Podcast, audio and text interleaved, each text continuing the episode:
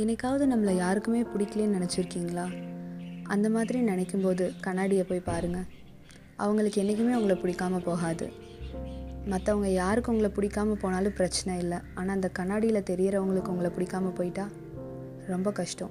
So இன்னொருத்தருக்கு பிடிக்குதோ பிடிக்கலன்னு நினச்சி ஃபீல் பண்ணாமல் உங்களுக்கு பிடிச்ச மாதிரி இருங்க.